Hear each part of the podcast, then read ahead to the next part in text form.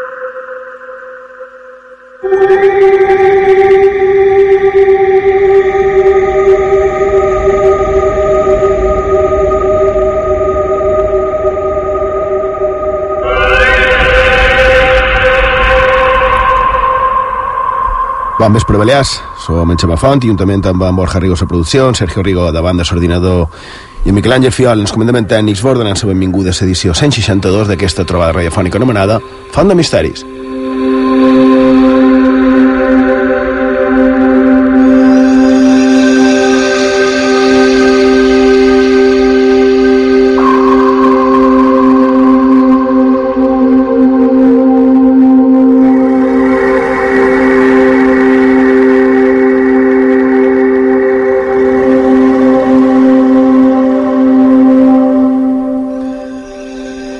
La setmana passada, quan vaig dir que 1984 ara, ara tan de moda, o no sé, moda o qualque cosa semblant en això, mm, quan m'ho vaig dir, dic, va ser per dos motius que se varen juntar en la mateixa setmana, aquestes casualitats de sa vida.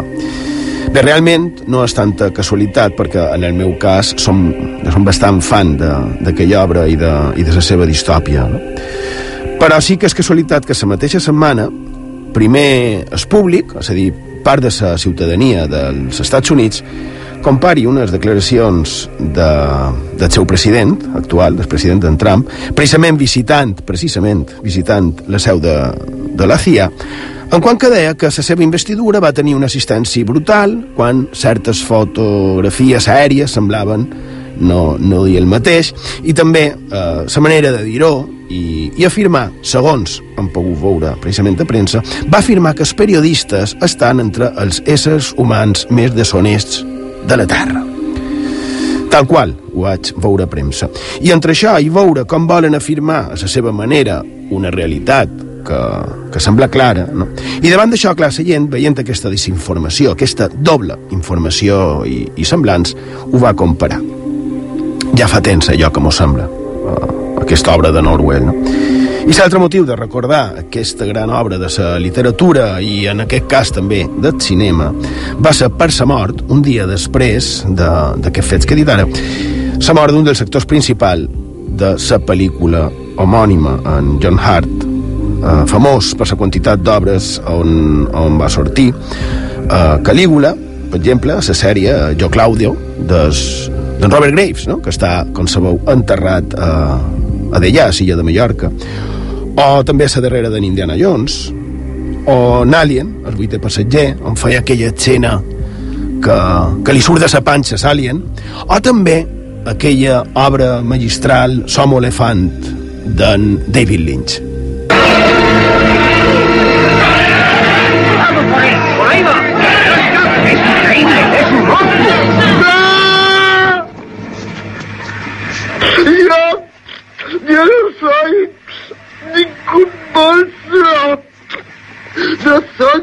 Animal.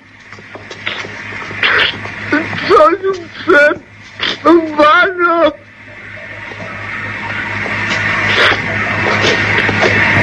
Soy un hombre.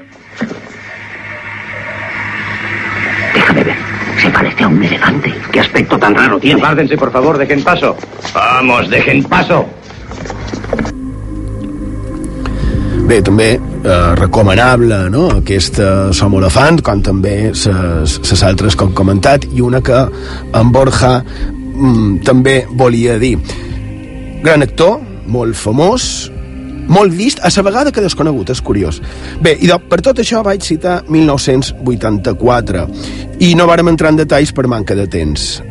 Però també té relació amb el tema d'avui. Eh? Doble informació, desinformació, informació tal vegada no del tot certa, dades i, i fets que a un li fan dubtar de que sigui vera tot el que tenim davant, tot el que ens estan mostrant.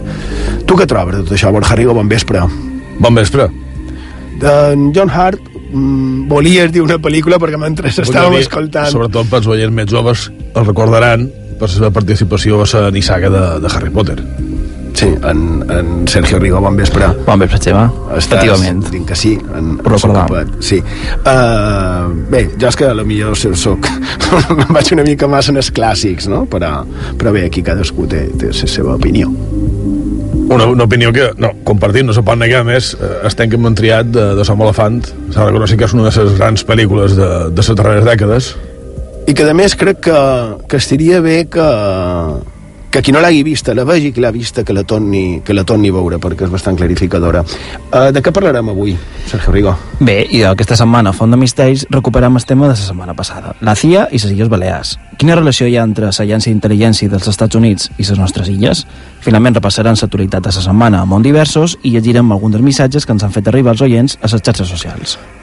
Avui, de veres, tractarem del manco que, que pugui entrar a la secció de Mont Diversos. Val? Farem un, propòsit de que, de que sigui així, perquè es vera que se, se, bé, ha hagut un parell de, de comentaris al respecte.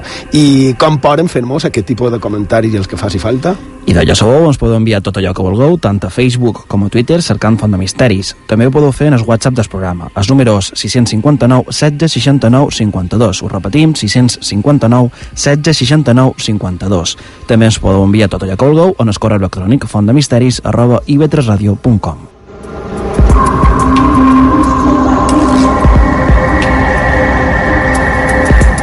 Recordant també que ens podeu seguir a Instagram cercant Font de Misteris i Vetres i escoltar tots els nostres programes en el servei a la carta d'Ivetres Ràdio, a ivetresradio.com, a ivox.com i a fontdemisteris.com.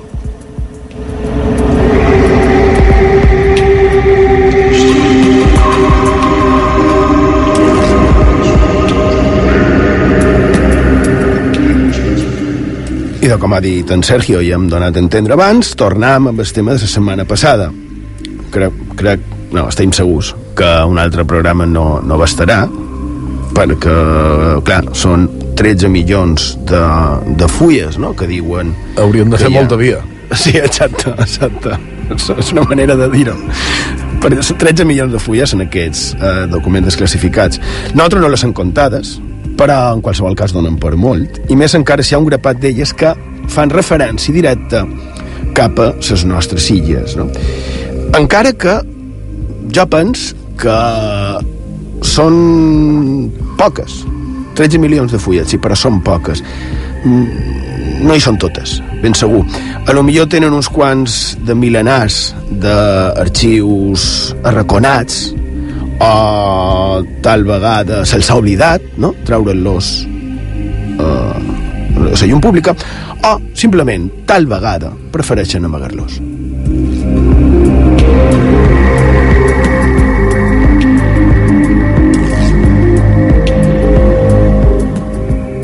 Perquè el que sí tenc, tenc i tenim el que feim Font de Misteris tenim ben clar, és que darrere d'aquest papers n'hi ha molt d'altres que no sortiran mai. I una cosa també, entenem que sigui així ho entenem perfectament. I més, ja sabeu si, si se tracta com no de la nostra seguretat. I ho dic en, en tots els sentits no? des del més seriós fins al més sarcàstic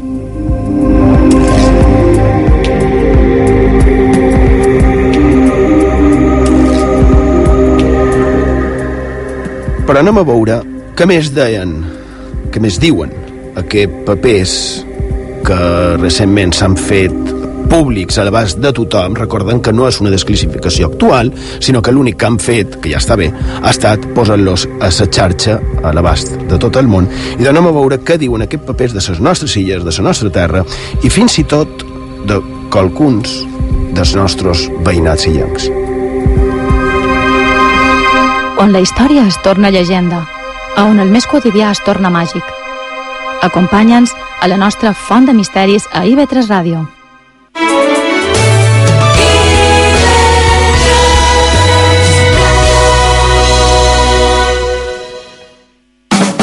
Halcón Viajes y Balearia te llevan a esquiar. Barco Barcelona en camarote doble con tu coche 5 días en Escaldes por 296 euros. Incluye barco en camarote doble con Balearia, coche, hotel 3 estrellas en media pensión y forfait en Arinsal. Reservas en las oficinas de Halcón Viajes y Viajes Ecuador. ¿Preparados? ¿Listos? ¡Reserva!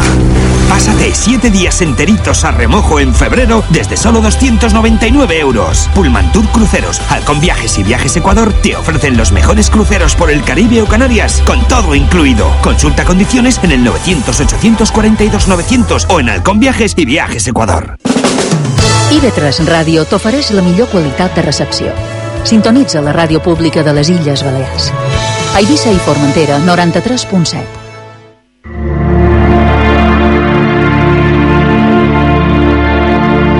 Misteris i llegendes a Font de Misteris, amb Xema Font.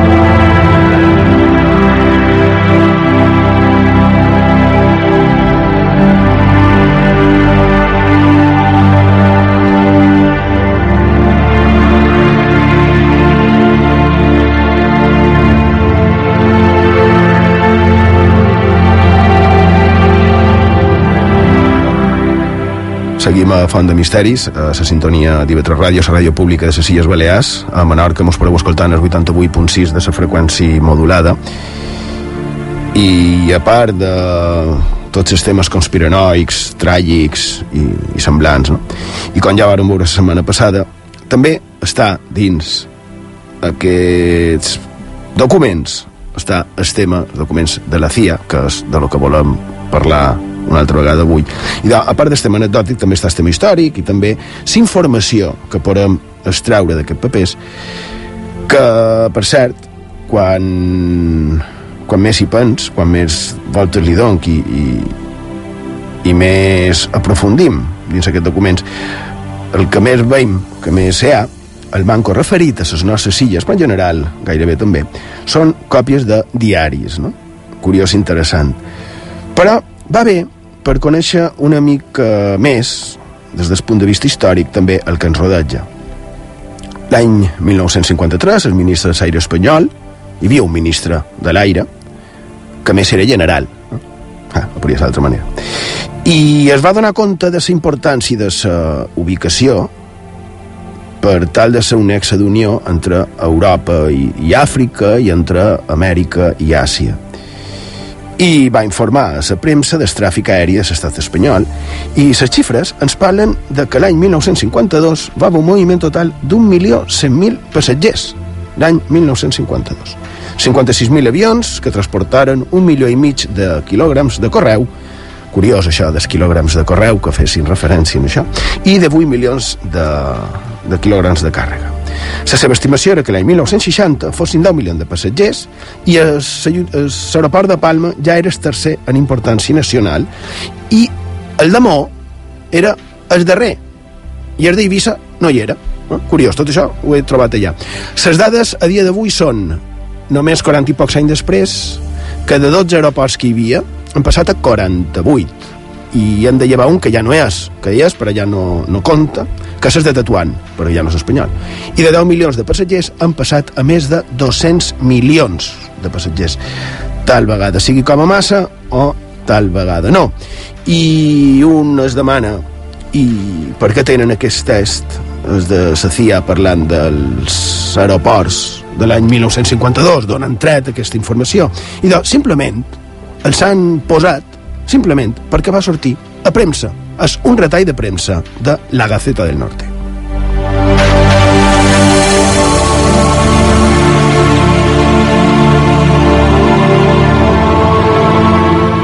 És a dir, no és un document secret, com a tal, però ho hem volgut citar per la importància que ja veiem que anys enrere tenia ja el tema de l'aviació.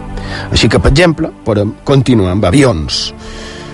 Vos en recordeu, la setmana passada, bé, per qui no vau escoltar, la setmana passada varen comentar que sortien en aquest paper un documents res estrany com a documents, perquè la majoria, com dic, eren retalls de, de premsa, que ens varen permetre cercar més informació. No? Mm, tot lo relatiu a la possible implicació, precisament, de la CIA, no, no ho vaig trobar. Tot era com a molt, com a massa estàndard, com a massa com de notícies, eh?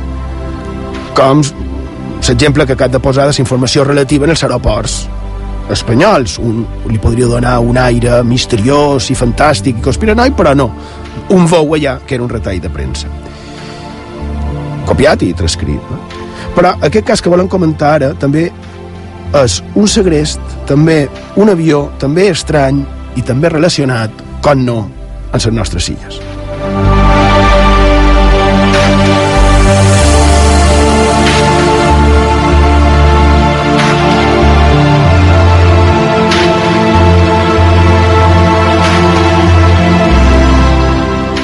L'expedient es diu informe de la situació setmanal. Això vol dir que cada setmana se veu canvien informes.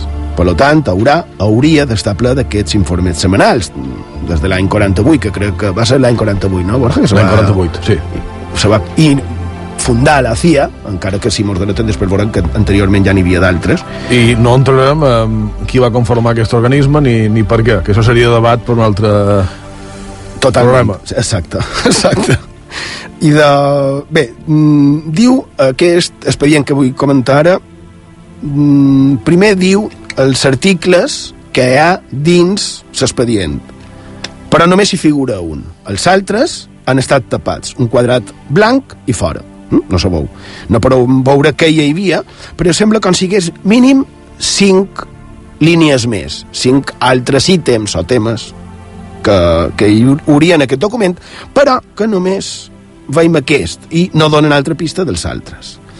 De fet, aquest expedient consta de 15 pàgines en total, comptant l'índex i la portada, i n'hi ha 9 fulles tapades completament, que posen page de nit, una cosa així, que vol dir, crec, qualque cosa com pàgina negada, que no es pot veure, no?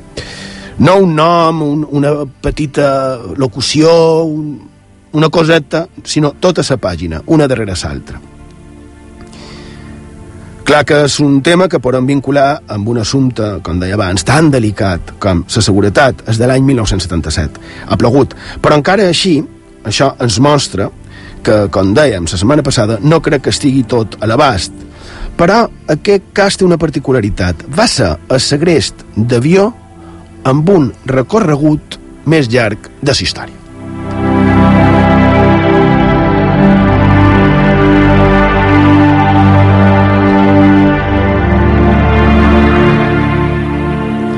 I parlant d'història, aquest cas de segrest d'avió, al igual que el que varen comentar de l'exprimer ministre congolès, no és més que la narració d'uns fets que poden trobar qualsevol diari de l'època. Una narració del que va succeir fins i tot jo crec que el, el publicà hi va qualificar de secret la CIA i tot el que diu com a secret ho podia tret, haver tret directament també de premsa, no? I no crec que fos perquè aquesta rocambolesca història li passés per alt a la CIA. De fet, per això pens que hi ha tantes pàgines esborrades o negades, com posen ells mateixos. És un segrest molt estrany i sorprenent, molt sorprenent.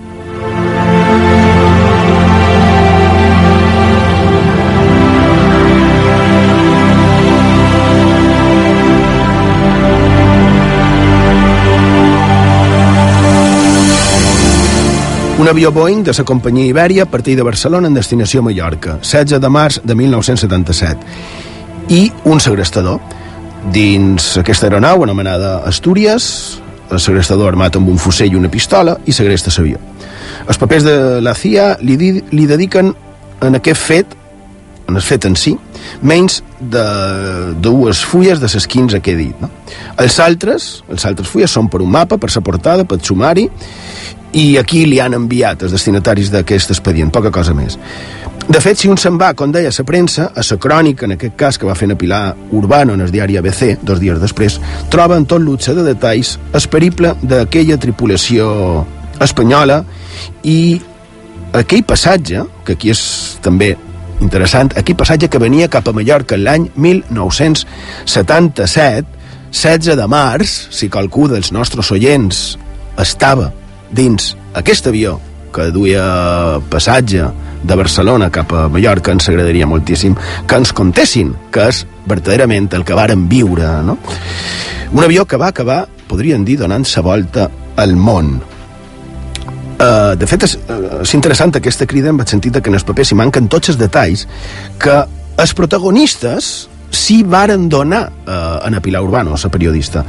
El vol no aterrar mai a Mallorca, perquè de camí cap aquí va cap a Oran, com no poden arribar pel combustible, van cap a gel, d'allà cap a Costa de Marfil, on després de exigir a segrestador li donen 140.000 dòlars i uh, una filla seva il·legítima, que havia demanat que li, que li entreguessin. Torna cap a Espanya, se'n va a Sevilla, d'allà se'n va a Turín, demana per un altre fill seu i 120.000 dòlars més, d'allà se'n va cap a Zúrich, després se'n va cap a Iugoslàvia, el que era Iugoslàvia, però les autoritats varen dir que no. Després se'n va cap a Moscou, atura a Varsovia, torna a Turín, tres, tres vegades van a Turín, i després, per tercera vegada, també a Zúrich.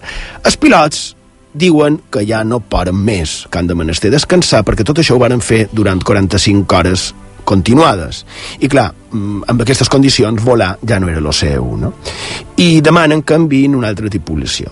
I a Zúrich, també com a les pel·lícules, arriben un pilot espanyol acompanyat de dos membres de tripulació, en teoria per refrescar la tripulació, és a dir, per substituir la tripulació d'aquest avió, però els dos acompanyants, els dos auxiliars, no eren altra cosa que policies disfressats. Pugen a l'avió, el segrestador els apunta, els hi diu que parlin en espanyol per confirmar que realment eren la tripulació d'Ibèria i el comandant, que verdaderament era un comandant d'aeronau, d'aeronau, de, de Boeing, de, de la companyia Ibèria, ho fa. I els altres, no, no parlen en, en espanyol, clar, perquè eren policies suïssos disfressats. I just en aquell moment, pujant per l'escaleta de darrere de l'avió, el comandant en veure que els dos acompanyants seu, que eren policies disfressats i que anaven al seu darrere, no li contestarien en espanyol perquè el desconeixien, ell, el comandant, se tira a sobre del segrestador, li pega un cop de puny, sona un tro, cau ferit un policia, tothom que estava per allà se tira damunt del segrestador, l'immobilitzen, el pilot que ha tombat en el segrestador veu entre escaramull de gent, així ho descriu, eh? una mà que surt amb el rifle, li pega potada, li comença a fotre en, sa, en, en so peu fins que li rompre el canell i era justament l'altre policia suís. Però el segrestador ja era desarmat i immobilitzat. És a dir, com, diu, com va dir el pilot, eh, ho vàrem aconseguir, però varen deixar coix a un coix a un i manco a un altre de manc, sense una mà, a un dels policies. Bé, ens ho descriu, com dic, en tot luxe de detalls. Do, dos dies després, s'ABC. Lo bo de tot això és que aquesta història, aquest fantàstic reportatge històric que, de veritat, val la pena cercar-ho, eh? i de, jo el desconeixia i l'he conegut gràcies a aquest paper de la CIA, que, com ja vaig dir, i avui tornem a dir, el que fan és, al manco, servir per poder aprofundir en fets històrics que un podria totalment desconèixer.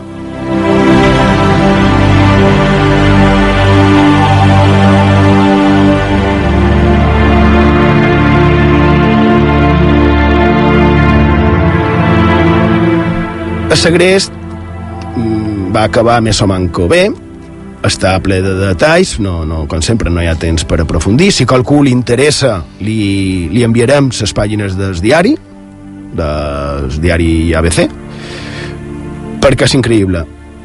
Fins i tot eh, diu que el segrestador, mentre anaven d'una banda a l'altra, volant i això, anava repartint, com si fossin autògrafs, bitllets dels que li havien donat, d'aquests 260.000 dòlars que li havien donat, i els anava repartint en el passatge com si fossin autògrafs, eh, els assignava. Eh?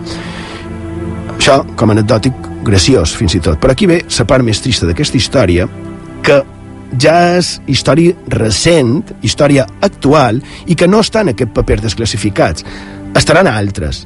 Però, malauradament, el segrestador que va ser condemnat a presó, un pic que va sortir de presó, segons vaig comprovar a premsa italiana, va matar l'any 1994 a una de les seves parelles, i, i a Somo d'aquesta, i un altre pic va tornar a presó. Fa poc menys, més d'un any va sortir de presó en 75 anys, ara en té 76, i sembla que ja s'ha tornat a ficar en problemes.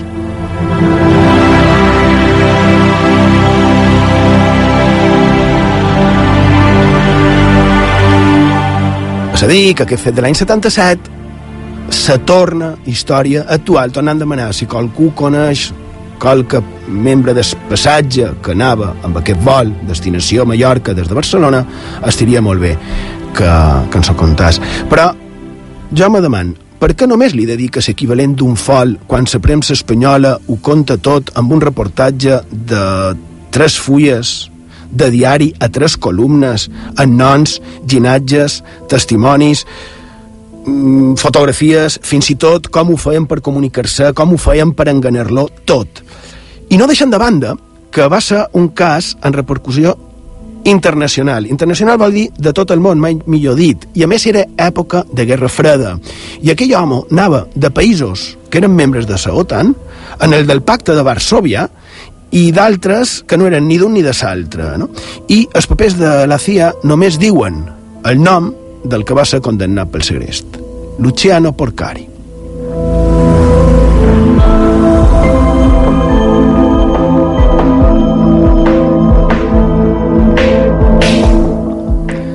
Seguim en, amb avions. En un altre document, a veure si després ho comentam, ja, jo crec que ja serà un, un altre dia, tot un dossier damunt d'Espanya. De, I de diu que l'any 1948 hi havia un vol directe de Palma en Barcelona cada dia. Un vol, menys els diumenges. Eh? I a València anaven tres pics a la setmana. Aquests eren els vols des de Mallorca, tots ells operats per, per Ibèria, que era de l'Estat, i que tenia en total 20 avions. Jo penso que és més informació de guia turística que no d'uns papers secrets, no ho trobeu?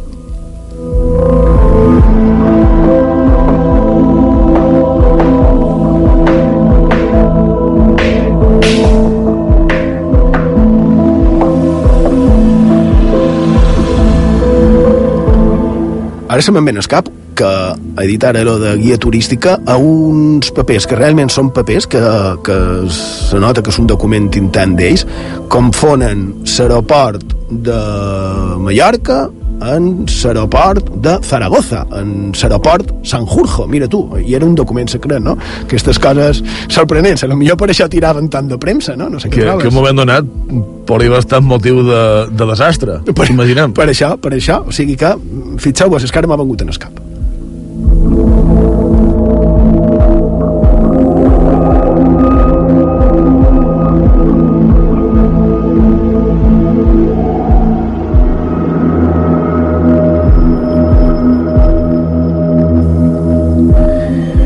en els papers hi figuren un grapat més de secrets i de temes relacionats amb l'aviació que, que tenen a veure amb les nostres illes i ja que estem amb avions i amb les nostres illes, un document molt interessant, any 1951, fa una avaluació de la situació militar d'Espanya.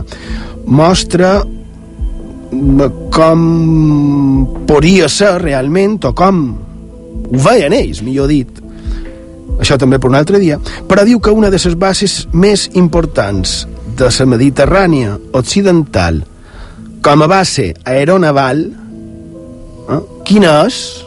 Ara més d'un diu, home, està clar, però no tothom ho sabrà, les nostres illes, és la base d'hidroavions de Pollença, a l'illa de Mallorca, que juntament amb la de Múrcia i la de Melilla permetien segons ells, un control total de l'entrada de la Mediterrània, tant d'avions, vaixells i submarins. Eh? Amb, eh, amb aquesta base de Pollença i les altres dues confiaven tenir controlada la Mediterrània. I si a damunt li afegíem el Puig Major com a, com a base de radars, ja ho tenien tot. Però això era un parell d'anys abans de l'efectiva aliança. I clar, els informes ja parlaven de la bona i estratègica situació que permetria, els hi permetria a ells, tenir controlat l'espai, tant aeri com marítim de la Mediterrània.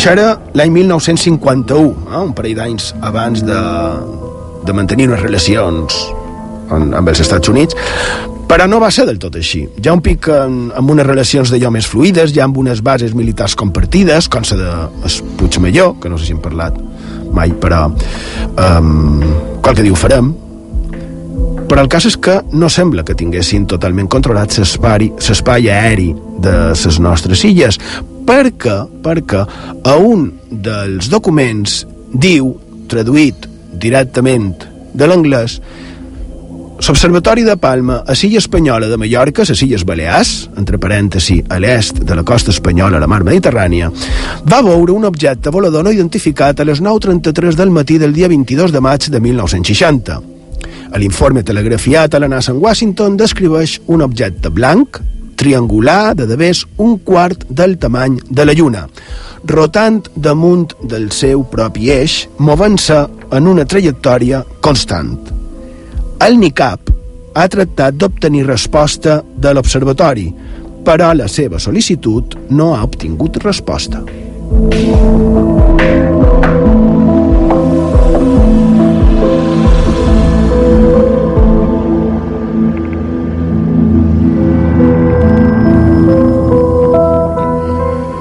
que tenim, eh, segons aquests documents, que el govern, el, el propi govern dels Estats Units, el de la NASA, la CIA i el NICAP, demanant a Palma que informés d'un estrany objecte del tamany d'una quarta part de la Lluna, i no obtenen resposta.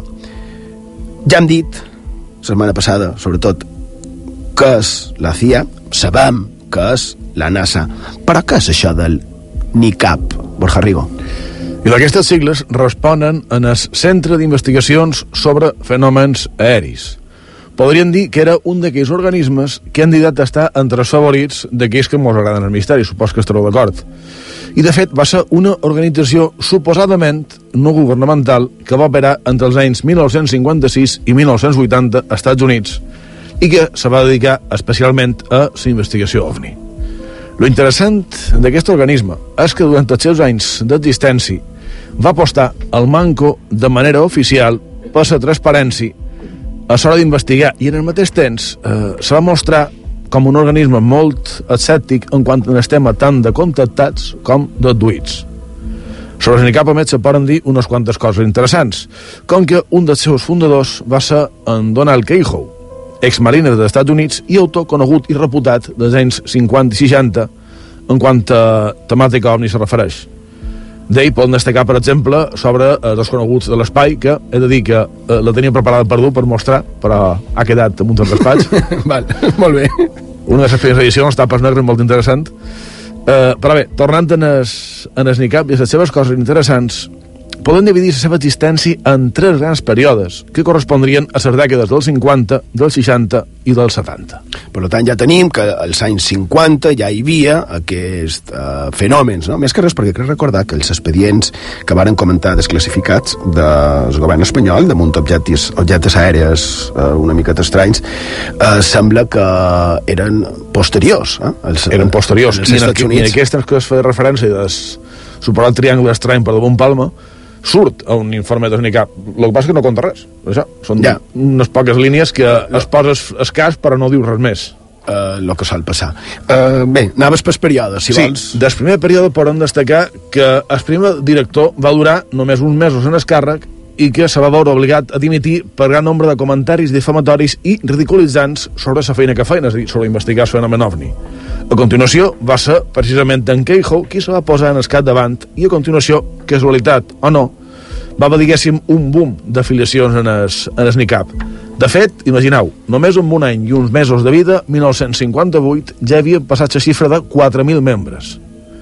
Malgrat això, durant tot el període d'activitat sempre va patir enormes problemes econòmics fins en el punt de que en aquests primers moments qui finançava la gran majoria de les investigacions era el propi Keijo. Bé, ja entrada la dècada dels 60 i amb un creixement exponencial de, dels interessos dels Estats Units per la temàtica OVNI, SNICAP arriba a tenir 14.000 membres i a més se marca, diguéssim, un punt d'inflexió. Per una banda, se fan publicacions realment interessants com The UFO Evidence, 1964, i en 1969 Strange Effects from UFOs i UFOs A New Look. D'altra banda, 1963, quan se fa sèrie nord-americana en col·laboració amb la Universitat de Colorado, van fundar el conegut com a Comitè Condom, SNICAP, dirigit encara per Keijo, se va afegir en aquestes investigacions per deslligar-se ben aviat a causa de gran desencant en seus procediments. Del projecte Condom no hem parlat mai i també va vincular eh, les nostres illes i també l'estat espanyol, però també les nostres illes i de fet hi havia investigadors aquí que, que tenien certes informacions que, que crec que qualque dia hauríem de treure. A lo millor hi ha qualque persona major que mos escolta que també ha sentit parlar de l'informe Condom i, i de tot el que ho enrevoltava. Hi havia una part negativa en tot això, no? Sí, i, i dir, eh, damunt d'això dels Condom, per cert, que podrien dir que tant SNICAP com el comitè Condom com aquell famós projecte de Blue Book serien les tres grans referències, diguéssim, dels Estats Units en quant a investigació, investigació OVNI. Amb vinculació internacional. Exacte. Bé, la part... Però sí, la part negativa de tot això és que eh, en cap moment va deixar de tenir problemes interns i en el final de la dècada en què Keijo se va veure obligat a dimitir del seu càrrec acusat greument d'incompetent i de malbaratador de dobbers. Acusacions formulades, per cert, en gran part pel coronel Joseph Bryan III, qui se va posar en el front de, de l'organisme. En aquell moment se va patir un gran sisme, perdent-se així la unió i formar-se molt de petits grups operant amb el nom de, de NICAP. Així arribam en els 70, on la situació són fosques molt més encara. Imagineu, dins una organització dedicada a investigar lo impossible, lo estrany, lo conspiranoic i fantàstic, comencen precisament les conspiracions. Se comença a xerrar sobre que dins el NICAP hi ha agents de la CIA infiltrats. I precisament un dels noms que va sortir clarament associat en els agents infiltrats va ser en Joseph Bryan III, el qual fins i tot anys després va sortir a defensar el seu propi fill, un escriptor en, en Curran Dixon Burns, que va argumentar que per destruir el NICAP no feia falta que ningú s'infiltrés, sinó que el propi organisme ho estava fent ell mateix. En qualsevol cas, el darrer butlletí d'aquest grup dedicat a investigar i tractar d'entendre el manco sempre, de manera oficial, el tema dels no identificats va veure la llum l'any 1980.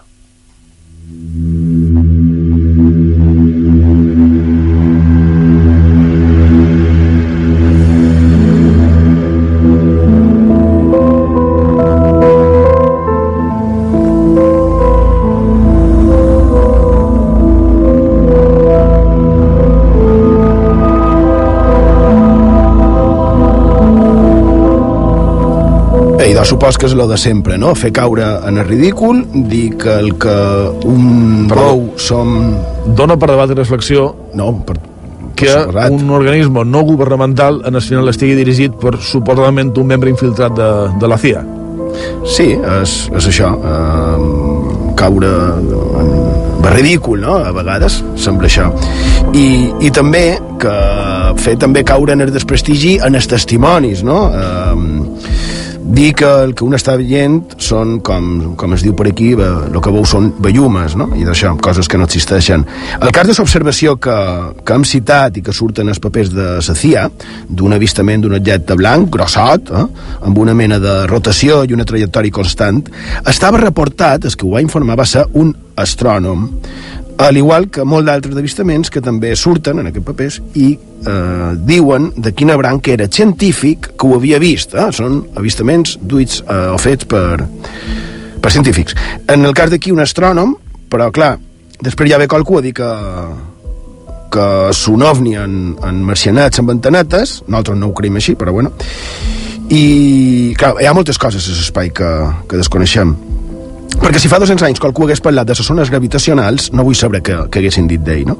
però clar, lo fàcil és anar a desprestigiar supos que això, que, que, que ja forma part de, de la realitat no? però ells s'ho van prendre seriosament tant com per fins i tot comparar-ho amb un altre avistament de semblants particulars que els que va passar aquí a, a Palma, que es va produir l'any 1953 a Cleveland, a l'estat d'Ohio, dia 7 de setembre de 1953. I també aquell mateix dia, a una altra ciutat, es va produir un altre avistament de semblant característiques, a 300 quilòmetres, a la ciutat de Vandalia, també, a Ohio, en els Estats Units. Clar, allà potser sí es, es varen fixar, allà sí tal vegada ho comprovaven, fins i tot eh, militars, i no hi havia massa problema en dir-ho. En canvi aquí, curiós, tant de sistemes de radars, tant de dir que tindrien controlada la Mediterrània i tan poca explicació.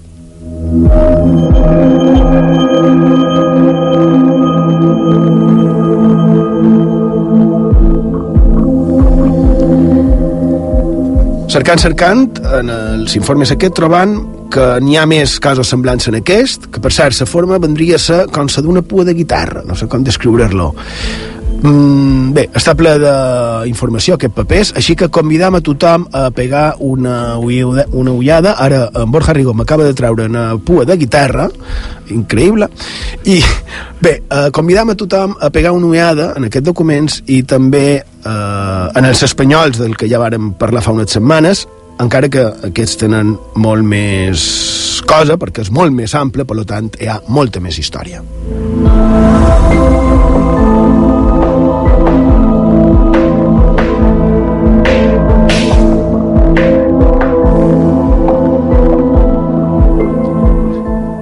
I la veritat és que estem a té pel molt. Ja seguirem un altre dia perquè trobam de tot, des de coses genèriques com tràfic d'armes, també informació damunt dels polítics i dels resultats de les eleccions d'aquí, valoracions de com és seient, com era, millor dit, seient a Espanya, els sistemes de defensa, referit també al consum d'estupefaents, tràfic també, a qualque lloc he vist que deia que les Balears als anys 70-80 eren un punt amb molta facilitat pel consum de haixís i de marihuana, així ho veien.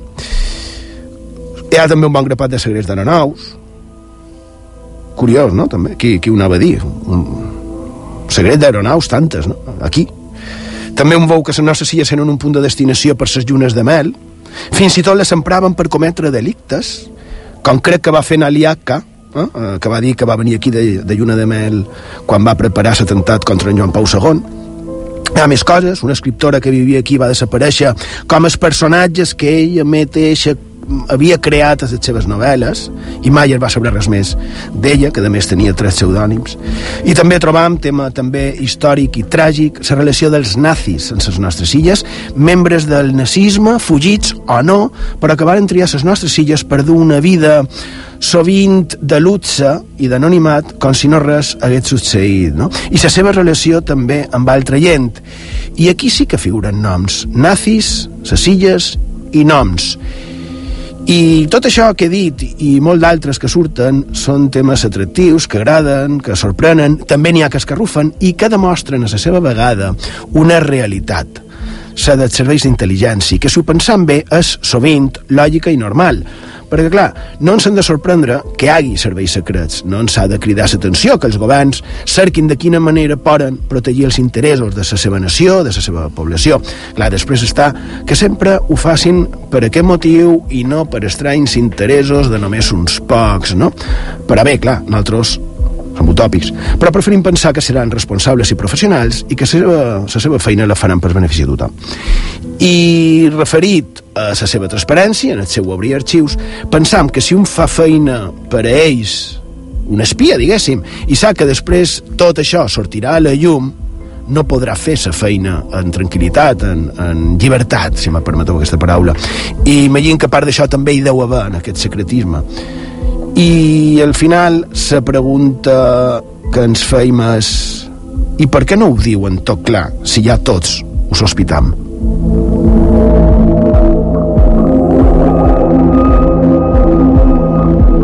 A IB3 Ràdio, Font de Misteris, amb Xema Font.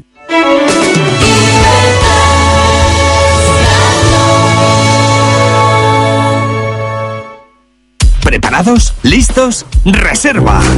Pásate 7 días enteritos a remojo en febrero desde solo 299 euros. Pullman Tour Cruceros, Halcón Viajes y Viajes Ecuador te ofrecen los mejores cruceros por el Caribe o Canarias, con todo incluido. Consulta condiciones en el 900-842-900 o en Halcón Viajes y Viajes Ecuador. IB3 Ràdio t'ofereix la millor qualitat de recepció. Sintonitza la ràdio pública de les Illes Balears. Alcúdia 89.2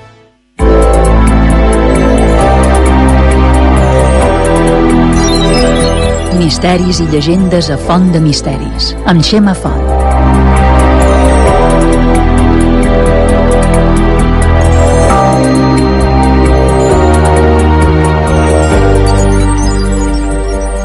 Seguim a Font de Misteris, a la sintonia d'IV3 Ràdio, la ràdio pública a les Illes Balears, a les Pitiuses mos podeu escoltant el 93.7 de la freqüència modulada, i està clar que el tema donava per molt, seguia donant per molt, però a Miguel Àngel Fiol me deia, has dit, has assegurat que faríeu la secció de mons que sempre vos votau, i vera, per allà no mos queda molt temps per molt. Uh, però sí que hi havia una que um, nosaltres estem rodejant d'aigua, uh, hem parlat d'avions, ara parlarem de vaixells.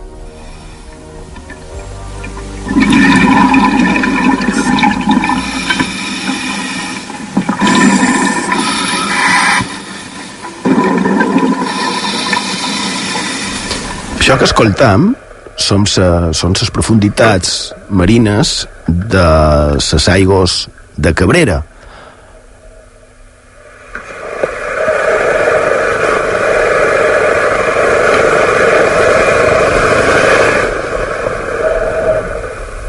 Mos podem fer una idea. Estem a les profunditats de l'aigua de Cabrera. I per què, Sergio?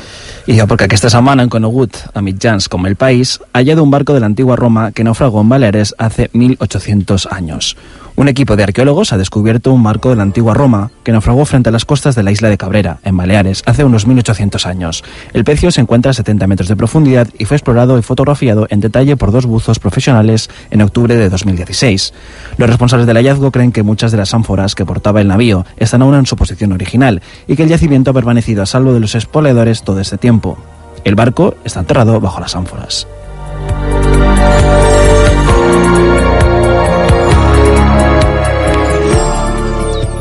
Interessant, bueno, això se va trobar, crec que va ser el mes d'abril, equipant que va ser fotografiat a octubre, jo crec recordar que per, abans de, de l'estiu de l'any passat ja qualque, a l'Ubió va dir qualcú a nivell particular, però abans de l'estiu ja se sabia. Interessantíssim, perquè tal vegada podem aprendre després de gairebé 2.000 anys, més coses de, de la nostra història, no? Això és fascinant. I ara anem a un altre, també a un altre illot, i també amb, uns, amb unes troballes arqueològiques impressionants. Sí, anem, anem amb una altra notícia que podria reescriure una altra vegada més la història de la nostra terra. En el diari Última Hora ho llegim aquesta setmana. Los hallazgos en Sagalera lo sitúan como uno de los yacimientos más importantes de la época púnica.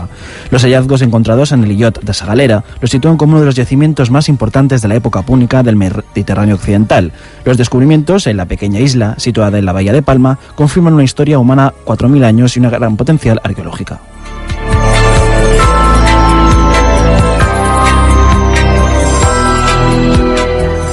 Bé, sembla que han trobat com a cabanyes, eh, objectes que estem parlant que potser tinguin d'haver caramull de, de milers d'anys. Mils no? d'anys. Mils d'anys. És, és increïble. El nostre company amic, en Domingo Hernández, està ficat dins aquestes excavacions, també coneixem a la direcció de- d'aquestes excavacions i eh, aviat tenim previst dur-los cap a Font de Misteris per poder parlar d'aquest tema i d'altres.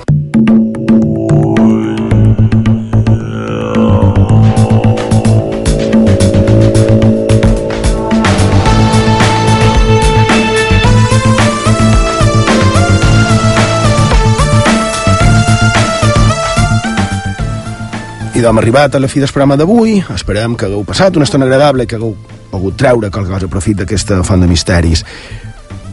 Molt de papers, no? Diuen que 13 milions de, de fulls. Pot ser que hi hagi coses rellevants, no dic que no. Tot el canvi m'ha semblat massa de l'abast de tothom, que tampoc feia tanta falta a Magaró, i el que havien i, i sospitaven que no sortiria la llum per ell que segueix amagat. El manco ho puc dir en tot allò relatiu, o gairebé tot relatiu a les nostres illes. Imagina que com sol passar una gran tot, però el que no podem negar és la realitat. Podem intentar millorar, canviar de manera que el futur sigui millor per tots, aportar el nostre granet d'arena, però no negar coses que, que han estat, coses que han passat. Podem jugar a tractar d'enganar, de jugar a fer creure que coses que no són, he dit jugar mm, no hauria de dir jugar és, és molt seriós en rectificar però no tractar de canviar la realitat així mm, com pensam que s'ajusta no, en el que nosaltres volem. Avui hem, hem citat 1984 de, perquè de tant de repetir una mentida es pot arribar a fer realitat. Tal vegada, només tal vegada, si realment tinguéssim accés a tota la informació del servei d'intel·ligència, ens adonarien que no sempre l'enemic és el que ens mostren, que no sempre la realitat, com deia, és la que sembla ser. Sovint és molt més senzilla. I entenc que a vegades, quan diuen Sabina, en Joaquín Sabina, ell diu, jo soy un mentiroso al que no le gusta nada mentir. I d'entenc que a vegades no queda més remei que per la seguretat de la majoria haver de fer coses una mica en el límit, no? Tant de bo. Ja sabeu, utopies de gairebé la mitjanit del dissabte i 3 ràdio, però tant de bo no fes falta ni mentir, ni amagar, ni cercar amics, ni inventar notícies, alerta en les falses notícies, perquè es crea, es crea un odi amb molta facilitat. M'encantaria que no fes falta que es fes tot això ni moltes altres coses que, que, que alguns dels serveis d'intel·ligència suposadament, suposadament han de fer. Han uh, volen fer per servir a uns interessos no tan amples com realment haurien de ser. Supos que és difícil canviar-ho, no? Sona molt llunyà, però dins la nostra petita però gran comunitat ho podem veure. Tant de bo, com deia, haver-ho de negar tot fos només una cançó d'en Joaquín Sabina, la darrera que sortirà d'aquí uns mesos, on ell mateix vol rompre el mite que ha en el seu voltant. I jo, que vaig tenir l'ocasió i la sort de conèixer-lo i passar una estona amb ell, ja vaig tenir la mateixa impressió que tinc ara quan sent aquesta, aquesta com dir no? declaració que fa de negar-ho tot.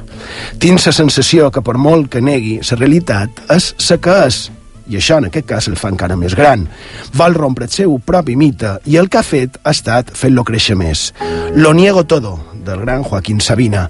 Hagi pau, bona nit, gràcies per la vostra companyia i fins la setmana que ve.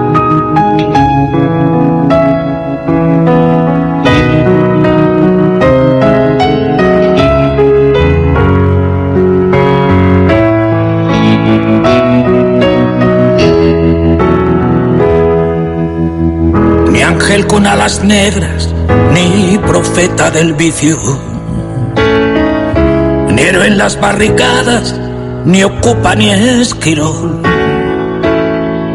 ni rey de los suburbios, ni flor del precipicio, ni cantante de orquesta, ni el Dylan español, ni el abajo firmante, ni vendedor de humo ni juglar del asfalto, ni rojo de salón. Ni escondo la pasión, ni la perfumo. Ni he quemado mis naves, ni sé pedir perdón. Lo niego todo, aquellos polvos y estos lodos. Lo niego todo, incluso la verdad la leyenda del suicida y la del bala perdida, la del santo peor. Si me cuentas mi vida, lo niego todo.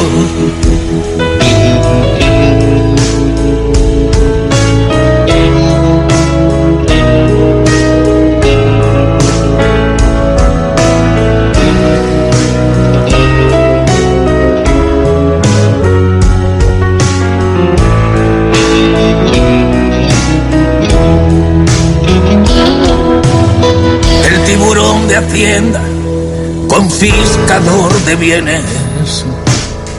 Me ha cerrado la tienda, me ha robado el mes de abril. Si es para hacerme daño, sé lo que me conviene. He defraudado a todos, empezando por mí. Ni soy un libro abierto, ni quien tú te imaginas. Lloro con las más cursis, películas de amor. Me echaron de los bares que usaba de oficina. Y una Venus latina me dio la extrema unción